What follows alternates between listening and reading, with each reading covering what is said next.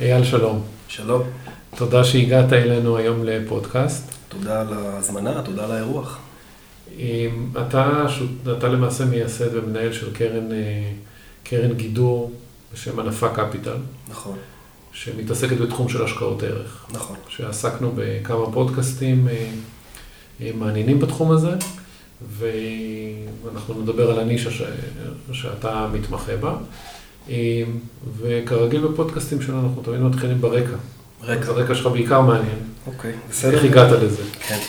אה, אז אני חושב שהרקע שלי הוא פחות שגרתי לאדם שעוסק בניהול השקעות. אה, אני ניהלתי חברות אה, שפועלות בתחום, בתחום התעסוקה. עד הקמת הקרן, הייתי, בעשור שלפני הקמת הקרן, ננקלתי חברה של, חברת גיוס והשמה, ולאחר מכן מכון לאבחון תעסוקתי, אבחון פסיכולוגי. עכשיו, במקביל לציר הזה בקריירה שלי, לפני כ-11-12 שנה הגעתי לתובנה ש- שצריך משהו עם החסכונות לעשות אה, ולייצר תשואה על ההון. אה, והתחלתי להשקיע בנדל"ן. תרתי שותף, עשיתי כמה קורסים באיזשהו מקום, ורכשתי, רכשנו ביחד דירות, שיפצנו, מכרנו. תוך כדי הבשלת השותפות אה, השקעות בנדל"ן, אמ, החלק של ההיבט המימוני של השותפות, שהוא לא היה גדול, אבל הוא היה קיים, נפל אה, בגזרתי, מה שנקרא, אה, בלי שום רקע, זה מאוד עניין אותי. ולאט לאט התחלתי להעמיק את, הידע, את הקריאה בנושאים אה, מקבילים, עד שנתקלתי בספר שנקרא המשקיע הנבון, שזה טקסט מכונן של אסכולת הערך בהשקעות. כתב אותו אדם שקוראים לו בן גרם, הוא היה פרופסור לכלכלה בקולומביה. אה, שהוא ותלמידיו, שהפולט מהם הוא וורן באפט, אה, הם בעצם אה, מייסדי ומשכללי אסכולת הערך בהשקעות. אליי זה מאוד דיבר. מבחינת רקע אקדמי, אז התואר הראשון שלי היה ב... הוא בהיסטוריה. ויש לי גם תואר שני במנהל עסקים, אבל עשיתי אותו בשלב כבר יותר מתקדם, כבר כמנכ"ל. אמ, איפשהו לקראת גיל 40 אה, הבשילה אצלי התובנה שאני רוצה להפוך את העיסוק בהשקעות ערך, בהשקעות לעיסוק המקצועי המרכזי בחיים שלי, אה, בחיים המקצועיים שלי, וככה נולדה ענפה קפיטל. ולמעשה הרקע של, אתה חושב שהרקע, ש... אני לא מדבר על הנדל"ן, אבל הרקע לא בשוק ההון ולא הכספים הוא, הוא משהו שעזר לך ב... מדבר על אבחון, יש קשר בין אבחון מניות לאבחון אה, תעסוקה? כן. אמ, אני לא, אני לא יודע אם יש קשר אה, ישיר בין אה, עולמות תעסוקתיים להשקעות, אבל אם ככה אסתכל בכובע התעסוקתי הקודם שלי, אז אחד המתכונים להיות בעל מקצוע מצליח הוא לעשות משהו ש, שאתה טוב בו, שיש לך את הסקילסט שאליו אתה תתאים. אה, שתהיה לך איזושהי תשוקה עמוקה לדבר, אה, ככה אני מרגיש כלפי השקעות. ואחד המתכונים לבינוניות הוא למעשה לעשות משהו שאתה לא טוב, אתה לא תאהב אותו, אתה, אתה תהיה בינוני, לא משנה כמה תשקיע וכמה אה, תרצה לעסוק בו. אז, אז יש פה איזושהי ליניאריות מבחינתי. אם אני ככה חושב יותר רחב על הרקע, אני חושב שדווקא תואר בהיסטוריה הוא תואר ש, שעוזר ו, ונותן איזשהו added value למשקיע. אני חושב גם שמסתכלים רוחבית בעולם, אז, אז יש כמה דוגמאות לחבר'ה ש, שיש להם תארים ראשונים במדעי הרוח, היסטוריה, פילוסופיה, אה, שמאוד מצליחים. דוגמה בולטת היא אדם שקוראים לו פיטר לינץ', שהוא אחד אה, מגדולי מנהלי השקעות אה, בהיסטוריה. הוא ניהל את מגלן פאנד. אז אני חושב שכן, שאיזשהו, לבוא לתחום הזה שהוא תחום אינטלקטואלי, בטח אנליזה והשקעות ערך, עם איזשהו אה, רקע אה, נרחב וידע כללי, רקע נרחב בהיסטוריה וידע כללי, זה, זה משהו שיכול לסייע, לתת אה, איזושהי, איזשהו עומק לעבודה שאתה עושה. אז עכשיו ניגע לקטגוריה שאתה מתעסק איתה. אוקיי. שזה תחום של מניות קטנות. נכון, אז ענפה קפיטל משקיעה במניות בעצם, כאשר הגיאוגרפיה היא... היא לרוב ישראל, אה, ארה"ב, בריטניה, אין איזושהי מגבלה, אבל אה, הכיוון הוא עולמות שבהם אה, יש משטר תאגידי תקין, המערב בעיקר. אנחנו biased להשקעה במניות קטנות, אנחנו נעדיף תמיד לבדוק אופציות בעולם של, ביקום המניות הקטנות, אבל לא רק, לא מוגבלים. מה זה קטנות? למה אתה קורא קטנות? בתור כלל אצבע, אני מחפש רעיונות השקעה במניות ששווי השוק שלהם הוא מתחת ל-150 מיליון דולר. בארץ חברה כזאת עוד יכולה לחשב חברה בינונית, אז, אז בארץ יותר נמוך. ההיגיון הוא כזה. אם מסתכלים על יקום החברות הציבוריות, יש סדר גודל של 50-60 אלף חברות ציבוריות בעולם, תלוי מי חקר ואיפה שואלים. אני משער שחמשת אלפים מתוכם, כן, עשרה אחוזים, הם העיקר שווי שוק המניות, וגם המקום שבאופן טבעי אליו מסתכלים הגופים הגדולים, המוסדות, וזה יוצר סיטואציה שבה חברות קטנות יותר, הרבה פעמים הן קצת מוזנחות, הן יתומות. התחרות, כמות העיניים האנליטיות שמנסות להסתכל עליהן ולפענח את הערך שבהן, היא קטנה יותר. וזה פשוט נותן איזשהו edge, זה נותן איזשהו יתרון ש... שאני מרגיש בנוח להתחבר אליו. הקביעה הזאת שיש איזשהו, איזושהי עדיפות להשקעה במניות קטנות, היא גם קביעה שיש לה סימוכים ממחקרים באקדמיה, גם ממחקרים מחוץ לאקדמיה של חברות השקעה שעשו קצת עבודה, והייתי אומר גם מטרק רקורד של הרבה משקיעים גדולים, ש... שידוע שלפחות בשלבים הראשונים, זה היה ביקום הזה של החברות הקטנות, הדוגמה הכי בולטת זה באפט הצעיר, כן, באפט 1958, 1969, שנות השותפות של באפט, The Buffett Partnership, הוא בעיקר, הוא בעיקר השקיע בחברות קטנות.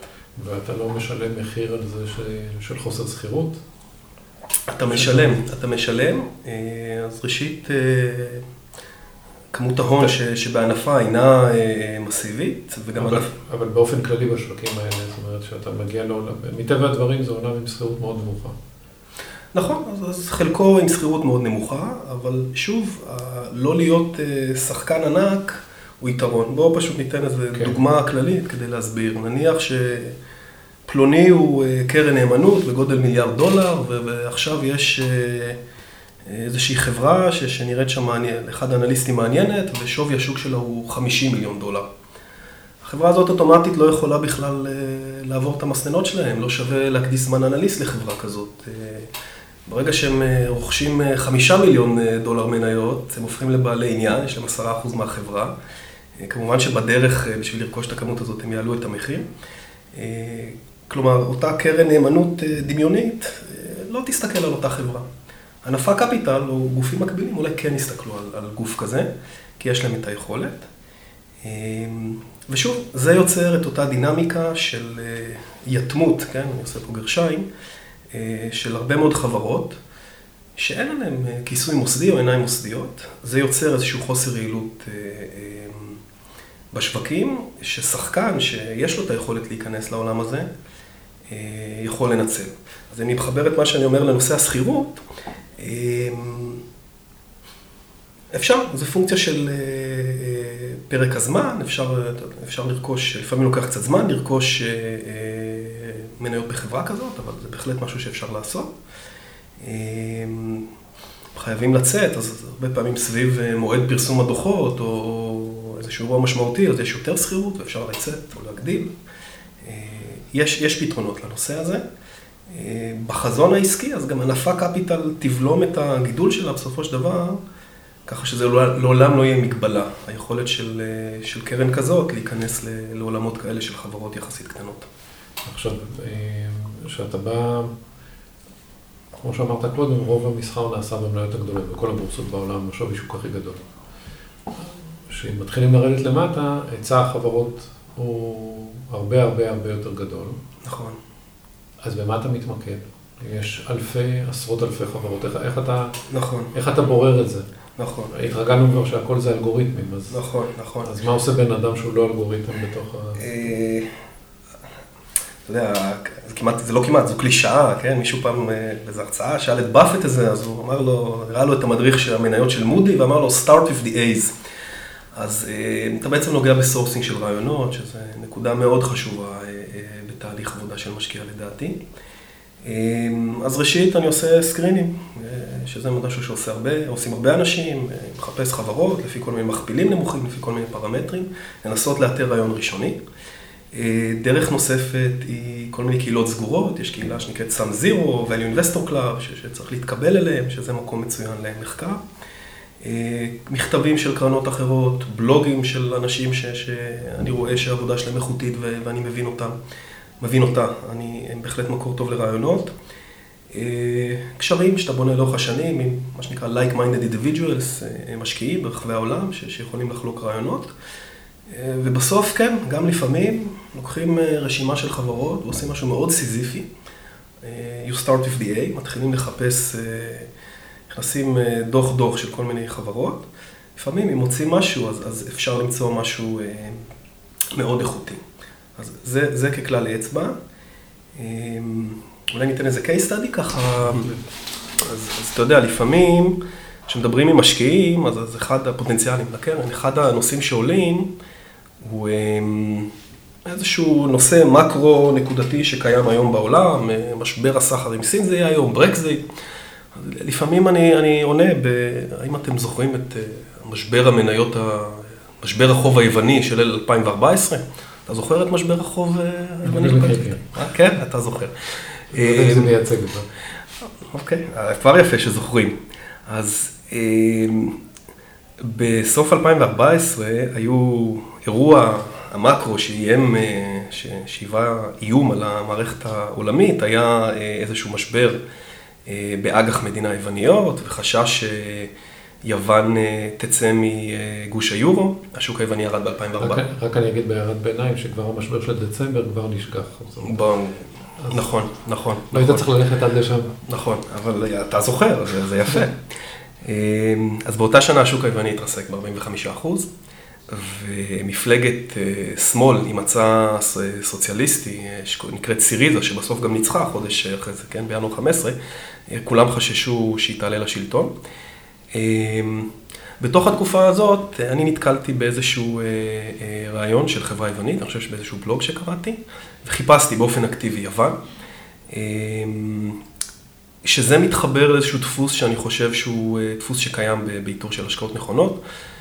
אפשר לקרוא לזה לשפוך את התינוק עם המים, סיטואציה שבה ענף, גיאוגרפיה, סקטור, שנוא, לא פופולרי, לא אהוד, מאיזושהי סיבה על ידי שחקנים כאלה ואחרים בשוק. התופעה הזאת יוצרת מצב שנכסים נמכרים, תוך התעלמות מהערך הכלכלי שלהם, וזה יכול להיות מצע טוב למצוא הזדמנויות. אותו אירוע של משבר החוב היווני, זו הייתה חברת מעליות יוונית, שווי שוק שלה היה 30 מיליון יורו. היא הרוויחה בערך 3 מיליון יורו, אבל מי שנכנס לדוחות והשווה קצת לדוח תזרימי המזומנים, כדי להבין כמה תזרים היא מייצרת, ראה שהרווח התזרימי שלה, הרווח שלה בפועל היה גבוה, כמעט פי שתיים מכך. כלומר, זו חברה במכפיל 5, שבדרך כלל משקף אסון מתקרב בדרכה של החברה. בנוסף לחברה הזאת היה מזומן בסדר גודל של 26 מיליון יורו. כלומר, שווי 30 מיליון, מרוויחים בין 3 ל-6, תלוי איך אתה מסתכל על זה, ומזומן של 26 מיליון יורו. היה לה גם חוב, אבל זה היה ברור שהחברה לא, אין לה שום בעיה לעמוד בהתחייבויות שלה, וחלק גדול מהמזומן הוא נכס פיננסי עודף, שאפשר לחלק אותו לבעלי המניות, אפשר לעשות איתו משהו. קצת שיחות עם החברה, ההנהלה, אתה מגלה שזו חברה משפחתית, הבן שלה... הסכימו לשתף איתך פעולה. כן, כן, יש להם קשרי משקיעים, דיבר שם, דיבר איתי, האמת שחששתי מזה, כי היו שם טעויות באנגלית במצגת, הם עשו איזה מצגת פעם בשנה לשוק ההון, אבל דיבר איתי נציג קשרי משקיעים שהיה בוגר MBA, בחור מאוד אינטליגנטי, עם הרבה מאוד ידע. למרות שהם גם הסבירו, זו חברה פשוטה, הם הסבירו את המצב שלהם די יפה, וזה השתקף מהדוחות. חברה משפחתית, הבן של המייסד הוא המנכ"ל. ההישג הגדול שלהם היה שהם הצליחו בראשית העשור לצאת מהשוק היווני, ובעצם השוק היווני היה רק 15% מההכנסות שלהם ב-2014. סיטואציה קלאסית של לשפוך את התינוק עם המים, זו חברה שהיא קיבלה תמחור של נכס יווני בסיכון, אבל לא הייתה חשופה כמעט לכלכלה היוונית. ואז אתה מתחיל להריץ כל מיני סטרס טסט כאלה. אתה אומר, אוקיי, אנחנו מפחדים הרי שיוון תצא מגוש היורו, שמחר בבוקר המניה הזאת תיסחר בדרחמות. מה זה עושה להם בעצם? וחשיבה לא, לא מעמיקה במיוחד, אבל קצת חשיבה וקצת בדיקה מגלה שרוב ההכנסות הם מחו"ל, אז הם יקבלו יורו, דולרים, אה, אה, מה שהם מקבלים, אה, ומייצרים חלק מהייצור ביוון, אז... אז רק ירוויחו. תאורטית, מחר הדרחמה תעבור פיחות של 40% מול היורו, לחברה זה טוב. אז זו סיטואציה שהסיכון בה הוא יחסית נמוך, הסיכוי בה הוא נפלא. קשה מאוד, קשה מאוד לשחקן מוסדי גדול להיכנס לכזה מקום או לחקור כזה דבר. הם היו בשוק שמשקיע מישראל אה, בכלל פונה אליהם ומדבר איתם, זה ממש עניין אותם. עוד אירוע מעניין עם חברה כזאת, אה, אין לה, לא היה לה, היא כבר פרטית היום, אבל אה, לא היה לה טיקר ב... ביאהו פייננס, כלומר בחלק מהאתרים הפיננסיים המובילים בכלל היא לא הוקמה, לא יכולת למצוא אותה. אז על אלגו, אם הוא היה משתמש במידע של אה, אה, יאהו, אה, לא היה מצליח לאתר אותה. מה זה? לא, לא מצליח לאתר. כן, נכון. מה שקרה בסוף עם החברה הזאת, היא כמובן זכתה להרבה התעלמות מהשוק, זה לא השתנה מהר, הם חילקו חלק מהמזומן, ואחרי שנתיים ההנהלה החליטה לקנות את החברה, בערך ב-80% מעל המחיר שהם נסחרו בו בינואר 2015. אמ, אז זה איזושהי דוגמה לרעיונות ש, שמעניינים אותי ואני מנסה לאתר. אמ, כששוב, הרבה פעמים המקום הטוב הוא מקום שיש בו איזשהו משבר, אה, יכול לייצר הזדמנות אה, לא רעה. אז אתה לא בייס לשום מקום, אלא פשוט מחכה למשברים שיצוצו, ואז... או... כן, לא הייתי אומר שאני אמבולנס, אמבולנס צ'ייסר, אבל uh, אני מודע ל, ל, לסיטואציה שבה uh, שוק שנכנס לאיזשהו משבר, יכול לייצר uh, הזדמנות השקעה uh, אסימטרית מבחינת יחסי הסיכוי-סיכון. Um, אז מה קורה למשל כרגע שהמצב עולם הוא פחות או יותר סטטי, המחירים לא זולים בשום מקום ואין איזה מגה משבר? כן, אז, אז, אז מחפשים חברות שהן זולות. אה, כמה זמן יכול לקחת לך זמן החיפוש עד שתשקיע בפועל? או בוא נגיד, אני אשאל שאלה אחרת. איתרת חברה, כמה זמן ייקח לך להשקיע בפועל עד ש... אה, זה תלוי אה, כמה מורכב הרעיון ומה הסיטואציה. יש, יש אירועים שאתה, תוך יום מחקר, אם אתה לא מכיר כלום, יכול להבין שיש פה משהו מאוד מעניין, ואז צריך לעשות עבודה מעמיקה על הדוחות, לבדוק, להבין, להבין את הסיפור. לרבות הסיכוי, לרבות הסיכון. ואז צריך לעשות עוד עבודה, לראות קצת היסטוריה, לדבר. אה, יכול לקחת מחקר בשביל להיות מסוגל לתת פוזיציה, להבשיל לפוזיציה ראשונית, יכול לקחת בין אה, אה, כמה ימים לשבוע לעד שבועות וחודשים. כלומר, יש, יש רעיונות שהם בתוכנית מחקר שלי הרבה זמן. אני מנסה להכיר חברות, מנסה להכיר ענפים, מנסה להרגיש בנוח עם... עם אה, להקצות הון לרעיון. אה, משהו שקורה הרבה פעמים, עומק התובנה של להכיר חברה, ההחזקות שלנו הן לטווח ארוך. אנחנו מסתכלים על לפחות שנתיים-שלוש קדימה. אה, וככה אתה גם בפועל מחזיק ממנו? כן, כן, לפעמים כן, כן, אם משהו לא משתנה, אז כן. אז הרבה פעמים ההבנה היותר מעמיקה מגיעה אחרי תקופת החזקה. כלומר, לפעמים בשביל להרגיש בטוח, להקצות הון, אה, סדר גודל של עשרה אחוזים, שזה הקצאת הון יחסית אה, גבוהה אצלי.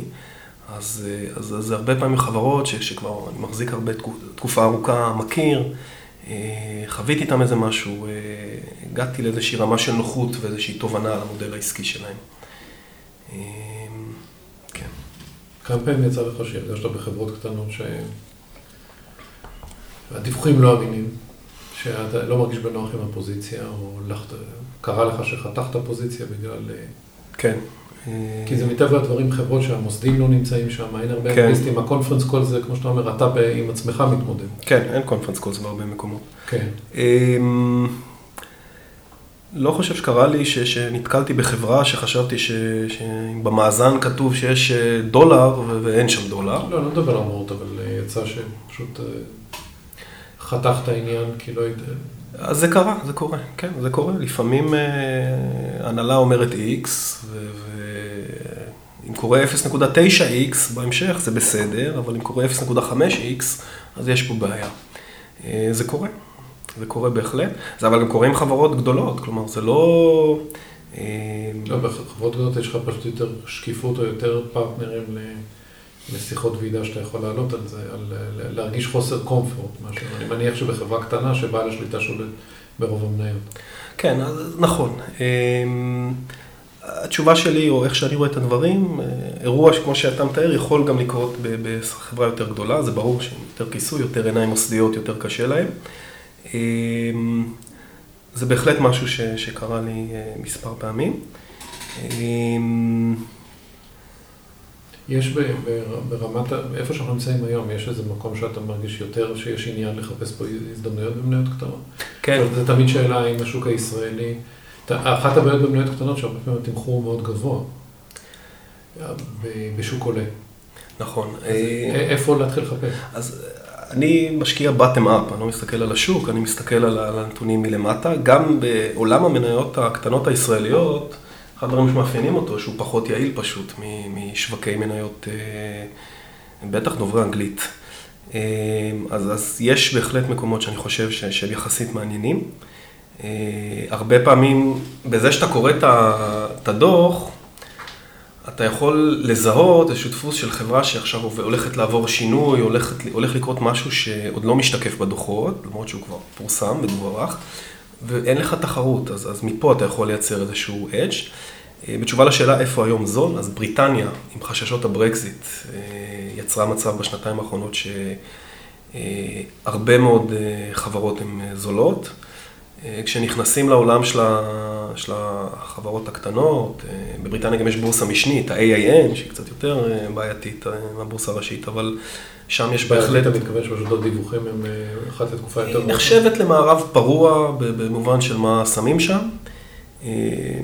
שוב, כמשקיע בוטום-אפ, מעניין אותי למצוא נכס שאני חושב שאני מבין משהו על הערך הכלכלי הסביר שלו, והוא נסחר בדיסק בפער מאוד אה, משמעותי. אולי, אולי צריך, לא יודע מה הרקע של כל המאזינים בפודקאסט, אבל צריך להגיד כמה מילים על, אה, על, על אה, השקעות ערך כתפיסה, אז על רקע, ממש ככה בקצרה. השקעות ערך, כמו שאני מבין אותה, היא, היא פילוסופיה סלש מתודולוגיה שהתפתחה מהחשיבה המקורית של גרם, אה, שהיא עצמה התעצבה בעקבות החוויות שהוא חווה אה, בכמעט פשיטת רגל במשבר הכלכלי הגדול של 1929, בשנות ה-30. אפשר לומר שיש שלוש, שלושה עמודי תווך, שלוש זרועות להשקעות ערך כפילוסופיה. הראשון זה הבדל בין השקעה לספקולציה. השקעה היא פעולה אנליטית שבוחנת אה, נכס לפי פרמטרים אה, אה, אובייקטיביים ומאפשרת להגן על ההון המושקע. ספקולציה לקנות נכס כי אנחנו מאמינים שהמחיר שלו יהיה יותר יקר מחר בבוקר. הנדל"ן לעולם לא יוכל לרדת, משקיע נדל"ן אמריקאי 2006, לא יודע. אז זרוע ראשונה היא, היא ההבדל בין השקעה לספקולציה. הזרוע השנייה היא, היא ההבדל בין שווי שוק למחיר כלכלי. גרם תיאר את זה באנלוגיה, אה, במטאפורה, אה, עם מר שוק. אה, יש לך שותף, כאשר אתה קונה נכס מניה בשוק, יש לך שותף, קוראים לו מר שוק, הוא מאני דיפרסיבי. היום הוא ימכור לך משהו מאוד בזול, מחר הוא ימכור לך משהו ביוקר. אתה צריך לעשות עבודה שמבינה מהו השווי הכלכלי. לקנות בזול, למכור ביוקר. אה, ועמוד התווך האחרון הוא אה, מרווח ביטחון. נכסים, הערך ההגיוני שלהם יכול לנוע בטווח מאוד רחב. אם זיהית משהו שאתה חושב שהוא שווה דולר, אתה לא תקנה אותו כשהוא נסחר ב-90 סנט וגם לא ב-80 סנט, אתה תרצה מרווח ביטחון יותר גדול. אז זו, ה, זו התפיסה, זה הרקע. ו...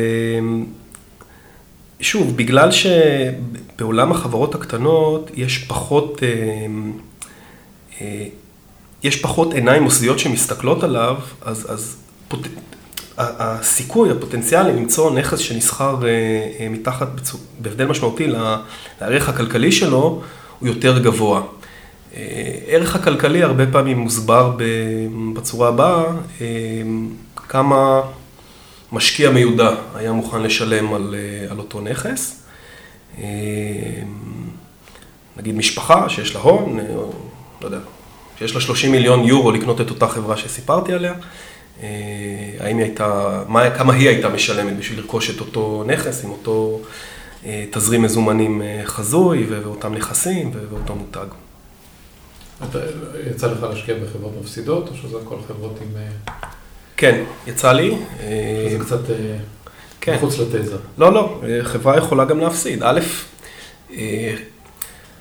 חברה יכולה להיסחר בגלל שהיא מפסידה עמוק מתחת לשווי המזומנים שלה. אחת הטכניות, הטכניקות הקלאסיות, המקוריות של בן גרם, הייתה מה שנקרא נט-נט.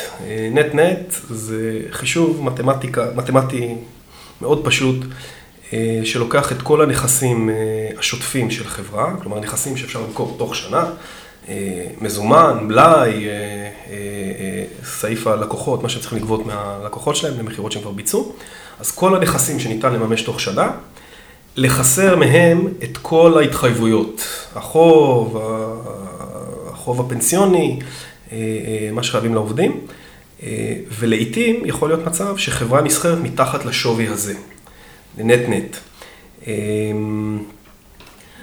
אז בהחלט יכול להיות מצב שחברה פשוט, היא מפסידה, אבל הפער בינה לבין שווי הנכסים שלה הוא כל כך גבוה, שנוצרת פה הזדמנות שהיא מעניינת.